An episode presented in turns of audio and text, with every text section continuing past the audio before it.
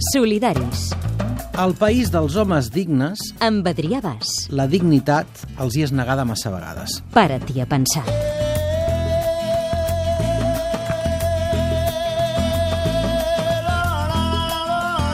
Pepe Navarro, què tal? Bona tarda. Bona tarda, com anem? La dignitat a través d'un element tan bàsic, tan necessari i tan vital com l'aigua. Una aigua que és escassíssima i estem parlant de Burkina Faso, oi?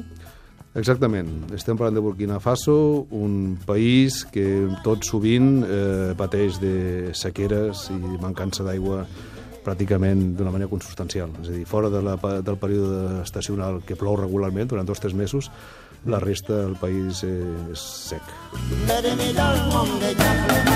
El Pepe és fotògraf i una de les millors coses que pot fer un fotògraf és retratar el món i mostrar les coses tal com són per mirar de canviar-les, per mirar d'endreçar-les, d'arreglar-les en la mesura que això sigui possible. Aquesta és la teva aportació, eh? la teva fotografia. Bueno, tant de bo fos així. Eh? Com a fotògraf ja fa molts anys que volto el món, no únicament a Burkina, sinó a molts altres llocs, a vegades molt difícils, i l'aspiració sí seria contribuir a modificar, si més no, una petita part de les coses que no ens agrada com funcionen. Mm. Però sí, és l'aportació. Ens vam conèixer a la ONG jo ara fa 15 anys, va sorgir una primera col·laboració, una segona col·laboració passat el temps que ha terminat doncs, finalment amb l'edició d'aquest llibre. Uh -huh. A les mans tinc un llibre que és preciós. Mira, sempre ho faig, això, eh? Se sent? Sí que se sent. Molt delicat, unes fotos... Està fet amb molt de gust. Es diu Les veus de l'aigua i és el recull de fotografies de Burkina que el PP ha posat a disposició de l'ONG Aigua pel Sahel. Sí. No únicament fotografies, val la pena dir que el llibre també compta amb els testimonis de persones molt rellevants, mm. eh, pues, Federico Mayor Zaragoza, Que fa el pròleg. això mateix, Maruja Torres, mm. l'antropòleg Mallar, i un bon nombre de col·laboradors africans, és a dir, gent que des de les universitats o llocs d'importància coneix i combat el problema de l'aigua al seu propi país. Per tant, mm -hmm. és un llibre que, d'una manera no tangencial, sinó directa, a través de la veus de persones que entenen, tracten del problema de l'aigua a l'Àfrica, per extensió, Burkina Faso en concret i a l'Àfrica per extensió. I el Sahel en especial.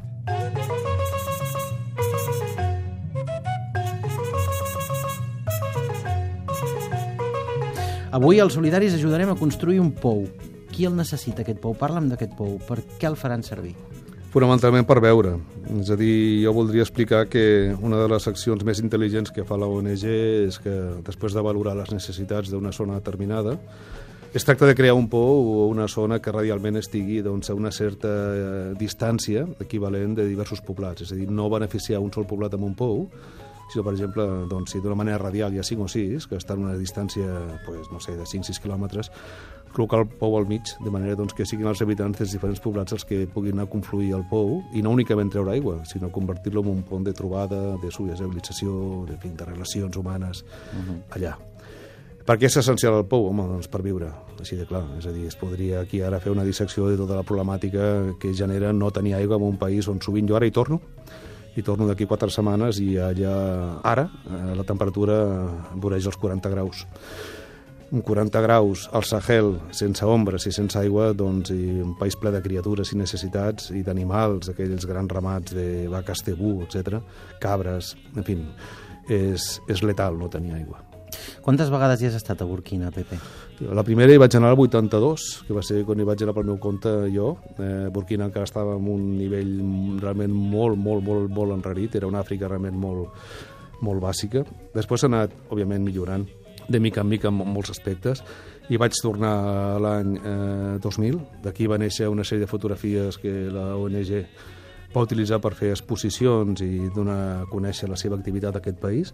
I després he anat tornant l'última vegada el 2014, que va ser quan vaig completar els recorreguts amb les fotografies que han permès l'edició d'aquest llibre, i ara hi torno, hi torno una mica com a ambaixador de la ONG, però hi torno de moto propi, és a dir, jo cobreixo totes les despeses del meu viatge, em retrobo amb els amics que ja hi tinc allà, els africans que conec, i també faré una mica d'ambaixador de la ONG per veure els pous que hi ha, alguns d'ells com funcionen, i allà on no hi ha encara pous, a veure què hi podem fer perquè hi hagi.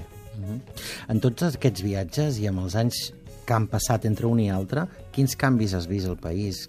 Com vivia la gent allà quan tu hi vas anar per primera vegada? Oh, I en quina situació estan ara, millor o pitjor? Bueno, és una mica equiparable a la radiografia que es pot fer de tot el món. És a dir, per exemple, una, un exemple que a mi m'agrada exposar, i ho explica clarament, és de quina manera a les parts més allunyades dels centres urbans, és a dir, els ambients més rurals, les poblacions, els petits poblats, les villages que diuen allà, doncs tenen eh, ara l'opció de comptar amb bateries solars d'aquestes xineses, és a dir, són petites plaques solars mm. que es compren per molts pocs diners i com que hi ha tantes hores d'insolació, es van carregant i a la nit els permet tenir petites llanternes de llum freda que il·luminen, doncs, com a mínim, si han d'anar a qualsevol lloc, tenen allò, no? A l'any 82 no hi havia absolutament res, però és que no hi havia ni plàstic. Ara, per exemple, a l'any 2000 encara utilitzaven el que ells diuen le canarí o, o les carbasses aquestes, le carebàs, que són mitges carbasses naturals que utilitzaven com a recipients per portar l'aigua. Mm. Ara ja porten le bidon, ara ja porten plàstics, més sovint doncs, que són més, eh, més hermètics, eh, que si cauen no es trenquen tan fàcilment, que es poden tapar i que permeten carregar més aigua, no? I bueno, si parlem de l'evolució als ambients urbans és molt més gran. Eh, ara la, el jovent africà doncs, eh, es regeix moltíssim pels estàndards netament occidentals. És a dir, perquè la informació eh, via internet i via xarxes socials arriba a tot arreu. I cada cop doncs, ells tenen més inquietuds per posseir el que posseïm aquí. És la raó de que molts d'ells eh, emigren. I tu creus que aquí som prou conscients de la importància de l'aigua? No, jo mateix ho soc. Jo puc tornar de Burkina molt afectat per el que he viscut, he vist eh, problemes realment molt greus, no, no solament a Burkina, eh? els he viscut a Malí, els he viscut a Guinea-Conakry, a Guinea-Bissau, a uh mhm. -huh. Cabo Verde, a tants altres llocs, però al cap d'una setmana o dos t'estàs dutxant tranquil·lament i has de parar compte que és millor que, que tanquis l'aixeta perquè no, no et cal que l'aigua reixi tota l'estona per dutxar-te, no? Mm pensa que amb, no sé, amb la mínima quantitat d'aigua que aquí pots emprar per dutxar-te, amb la mínima, eh? rentar-te el cap una mica allà, amb aquella aigua cuinen, eh, renten, o sigui, al revés, ho fan, primer renten i l'aigua queda tèrbola bruta, després, bueno, com aquesta aigua que veus aquí a la porta del llibre, després no la llencen, no s'ho poden permetre, han de fer 6-7 quilòmetres, 8-10 per tornar a recollir aigua, doncs amb l'aigua tèrbola que ha estat fruit d'haver rentat, doncs eh, la utilitzen per cuinar i la que queda doncs, eh, per eh, rentar-se altre cop, ferides, per guardar-la, per estocar-la, el que sigui, no?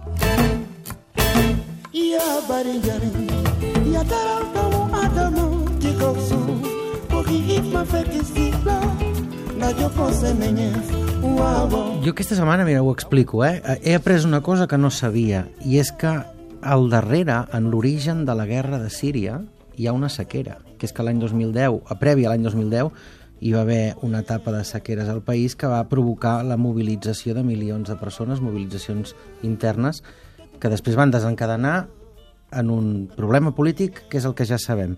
A vegades ens sembla que com que les coses passen lluny de casa, en aquest cas a Burkina Faso, que no ens afectaran mai tant, però sí. En aquest sentit, els burquinesos són més conscients d'aquest factor pel que fa a l'aigua, cosa no. que aquí no. Jo diria que no, eh? jo diria, ja no únicament parlant de Burkina, jo diria parlant de l'experiència personal de cadascú, jo penso que allò que tenim fàcilment ho incorporem com una cosa habitual. I allò que no tenim és del que ens queixem i lamentem, no? Inclús allà. És a dir, si, per exemple, doncs, no sé, treballes a Burkina en un hotel i estàs allà de recepcionista i et ve de gust anar al lavabo, tirar l'aigua del dipòsit, rentar-te les mans, eh, fer un glob d'aigua i la tens constantment... És la perspectiva. Sí, pot ser conscient, però, vamos, sempre s'ha dit a nivell així més global mm. que un dels grans problemes que se li venen al món a sobre serà la manca d'aigua. Mm. És a mm. dir, les guerres, òbviament, com tu acabes de dir, sempre han estat per recursos econòmics que, que escassegen, no? I l'aigua és clarament és un recurs econòmic que va a la baixa i cada cop més sol·licitat. Aquesta setmana s'ha presentat un informe a Catalunya sobre l'impacte del canvi climàtic al nostre país que explica coses molt concretes que podrien arribar a passar mm. en el decurs de molt pocs anys. Mm. I això també deriva de fets que han passat a, a molts quilòmetres de distància. Òbviament. Per sí. això els catalans hauríem d'estar més implicats, més compromesos o ser més conscients de les crisis de l'aigua al Sahel? Els catalans i tothom. Eh, I jo diria que particularment Catalunya és, és el poble català eh, està ara mateix tens aquí davant, no? que abans heu parlat, em sembla ser del tema aquest de la manifestació del dret a acollir els immigrants, no? i amb els, seus dies, sí. amb els seus dies van ser contra la guerra a Iraq i tantíssimes coses. Jo crec que aquí, si d'alguna cosa som capdavanters, és en reivindicar allò que creiem que és just per nosaltres i per tothom arreu, no? I penso que, que és fonamental. És a dir, el que se'ns ve a sobre si no respecten els còdics mínims ètics eh, per, en benestar de tots serà fort lamentablement no depèn, en la major part no depèn de nosaltres. Sempre les decisions aquestes econòmiques venen precedides de decisions polítiques amb les quals, lamentablement, moltes vegades, malgrat ser democràcies estructurades, etc., no hi tenim massa a dir nosaltres. Tu ara deies fa una estona, Pepe, el llibre té el pròleg de Federico Mayor Zaragoza, textos de l'antropòleg Lluís Mallar, del Maruja Torres, del Pep Bernades, de la llibreria Altair i de diverses personalitats de Burkina, i està escrit en tres llengües, en català, en castellà i en francès, i és precisament de la Maruja, de la Maruja Torres, una reflexió que m'ha cridat molt l'atenció, o que sempre en aquests casos és important fer-la evident, la que diu que a vegades parlem d'un país, d'una tribu, d'una regió, de l'Àfrica, perquè ho porta l'actualitat, ho, ho englobem en aquest gran concepte que des del nord, des d'Occident, en diem l'Àfrica, però que de tan generalista es demostra que és poc eficaç, perquè no és el mateix l'Àfrica del nord que l'Àfrica del sud, i de sobte ens n'oblidem. Allò ha passat i l'Àfrica és la gran oblidada. Totalment. No, no l'Àfrica, això regeix el món. Jo vaig fer un, molts anys un treball a Sarajevo, a Bòsnia, tot just es va firmar Dayton, i vaig dir a l'editor que volia anar a fer el llibre Sarajevo Humano, mm. però quan acabés el conflicte. I em va sobtar molt, vaig estar allà quasi quatre mesos vivint a Bòsnia, a Sarajevo, i el món havia deixat de parar atenció. Sarajevo ja no era notícia, es havia signat la pau, se'ls havia deixat amb ells els bolis amb el seu gran problema a sobre i no era notícia.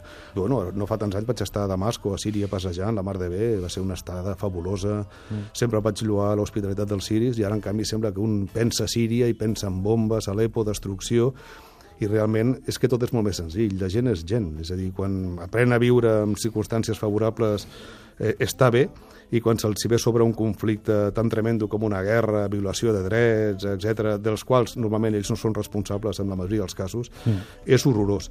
D'això se'n fa una gran notícia, d'aquesta notícia viu doncs, eh, molta gent, i quan això deixa de ser notícia per un motiu o un altre, doncs aquell petit racó de món queda en l'oblit. El llibre Les veus de l'aigua l'ha editat Aigua per al Sahel amb la col·laboració de l'àrea metropolitana de Barcelona, l'Ajuntament de Santa Coloma de Gramenet i Natura. Molt bé, i ara quin dia marxes? El 27. Quant de temps hi seràs? Tres setmanes. Tens previst, a banda de visitar els pobles i els pous, fer alguna cosa més? Algun sí, altre llibre? Sí. Més fotos? Mm, Bueno, fotos sí, i a part eh, és una cosa xula perquè m'emporto la meva vella Hasselblad, és a dir, passaré del digital i Ah. recupero una càmera que feia temps que no, no fotografiava, De pel·lícula. de pel·lícula blanc i negre, sí, la Mhm. T-Max 400, i vaig a tractar de fer una aproximació als buscadors d'or il·legals, saps? Hi ha grans multinacionals que acaparen tot el negoci de l'or, a Burkina ha or, i al voltant d'aquestes grans eh, multinacionals, grans corporacions, doncs hi ha petits campaments de joves que sense feina creen les seves pròpies mines, amb altíssim risc de vida, Mm. molts la perden, per buscar petites pipetes d'or i viure. Ens ho vindràs a explicar, això, quan tornis? Sí, em convides amb molt de gust. Convidat ho estàs sempre que vulguis. El Pepe Navarro deia les coses són més senzilles del que sembla, perquè la gent és gent. I quan pot, la gent passa pels solidaris. Gràcies, Pepe. Gràcies a tu. Les entrevistes, els reportatges, les seccions dels col·laboradors. Descarrega-te'ls a catradio.cat barra solidaris. Una veu rebel.